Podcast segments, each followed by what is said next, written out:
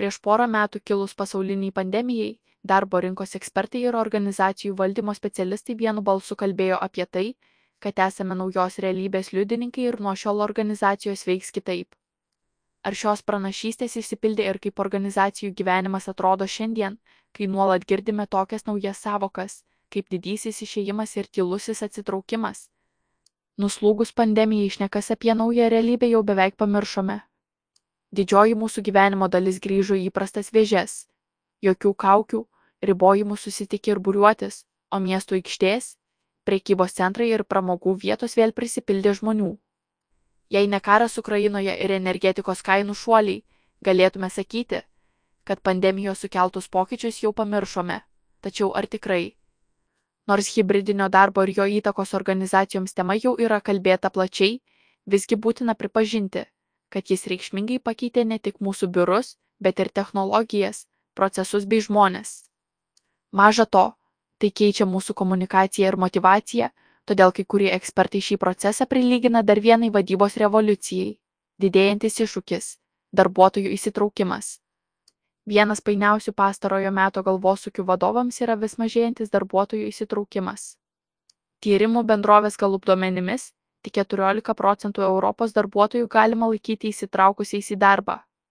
Šis skaičius yra gerokai mažesnis už pasaulinį vidurkį 21 procentas ir ne 19 procentinių punktų mažesnis nei JAV ar Kanados rodiklis 33 procentai. Daugelis įsitraukimo mažėjimas sieja su atsiradusiais nuotolinio hybridinio darbo modeliais. Dirbant pagal šiuos modelius, vis iškyla klausimas, kiek laiko leisti biure yra optimalu. Vadovamsgi tenka spręsti įvairias darbo situacijas, kurios kyla dėl bendradarbiavimo trūkumo. Galiausiai, nei darbuotojai, nei darbdaviai nežino, kokią įtaką fragmentiškas buvimas biure daro įsitraukimui, organizacijos kultūrai ir asmeniniai karjerai. Moksliniai tyrimai šioje srityje dar tik atliekami. Antroji svarbi dedamoji - išryškėjęs noras dirbti mažiau ir ieškoti gyvenimo balanso. JAV psichologai teigia, kad būtent tai buvo pagrindinė priežastis kilti didžiojo išėjimo reiškiniui, kai per trumpą laiko tarpą darbo rinką paliko nemaža dalis profesionalų. Žinoma, ilgų karantinų metu turėjome laiko sustoti ir daug ką permastyti. Savo santykius, svajones, gyvenimo prioritetus, karjerą. Tuo pačiu metu darbo rinka nestovėjo vietoje ir augo, o konkurencija dėl specialistų išliko aukšta. Atsirado vis daugiau įdomių darbo pasiūlymų iš tarptautinių įmonių ir žmonės tomis galimybėmis, be abejo, naudojosi ir toliau naudosis. Yra ir tokių nuomonių, kad didelis darbuotojų judėjimas vis dar susijęs su 2020 m. sustojimu, kuris suveikė kaip iššautas piruoklė. Taigi įsitraukimo aspektas svarbus, tačiau tikėtina, kad darbuotojų judėjimą lemia įvairios aplinkybės, ne tik įsitraukimo stoka, tylusis atsitraukimas, naujas reiškinys ar primirštas senas. Didžiojo išėjimo savoką organizacijų valdymo kontekste netruko pakeisti kita - tyliojo atsitraukimo savoka. Taip vadinamas reiškinys, kai darbuotojai darbę stengiasi atlikti tik pačias būtiniausias užduotis ir daugiau dėmesio ima skirti laisvalaikiu ir atsiribojimui nuo darbo. Tai nėra naujas fenomenas, tačiau šią savoką ėmėme vėl naudoti pandemijos kontekste, kuris jos aktualumą gerokai paaštrino. Padidėjęs darbo krūvis ir pasikeitusi darbo struktūra didino darbuotojų patiriamą streso lygį. Mėtymasis tarp darbo užduočių, namų ruošos ir vaikų ar pagyvenusių tėvų priežiūros sujaukė ir taip įtempta kasdienybė.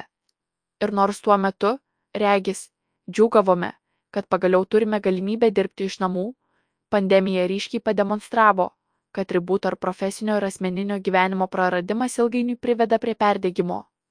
Profesinį perdegimą psichologai įvardyja pagrindinė tyliojo atsitraukimo priežastimi. Tuo metu vadovams, matant tokius atsitraukimo ženklus, tai turėtų būti indikacija, kad darbuotojas siekia balanso ir šalia darbo nori turėti ir kitą gyvenimo pusę - stiprinti nuotolinę lyderystę.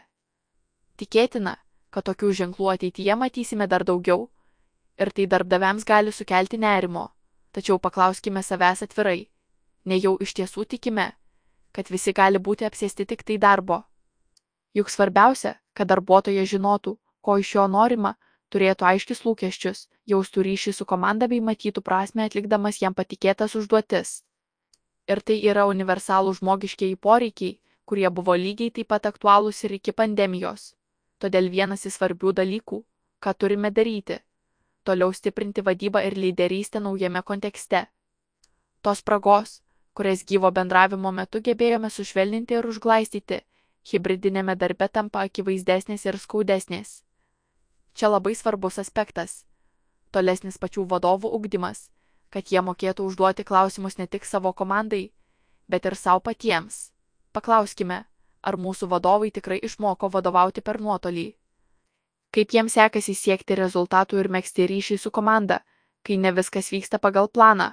Ar jie turi įgūdžių ir gebėjimų, kaip suburti ir motivuoti komandą, kuri vienu metu fiziškai nėra toje pačioje vietoje. Iš savo bendravimo su įvairaus lygio vadovais patirties galiu pasakyti, kad daugybė vadovų nurodo jų vidinės komandų rutinas vykstant sėkmingai, tačiau bendradarbiavimas su kitais padaliniais vis labiau trukinėjant.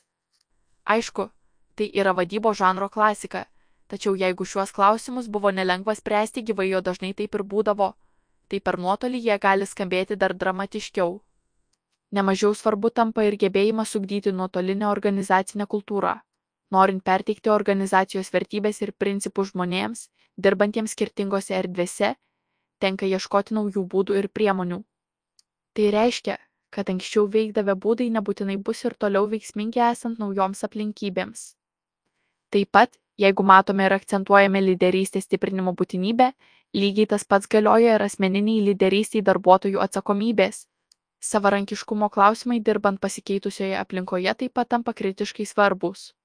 Galiausiai nenuvertinkime žmonių noro turėti savo tikslų ir svajonių. Toks požiūris mus skatins keistis ir leis įtraukti darbuotojus taip, kad jie norėtų prisidėti prie organizacijos vizijos ir bendros krypties.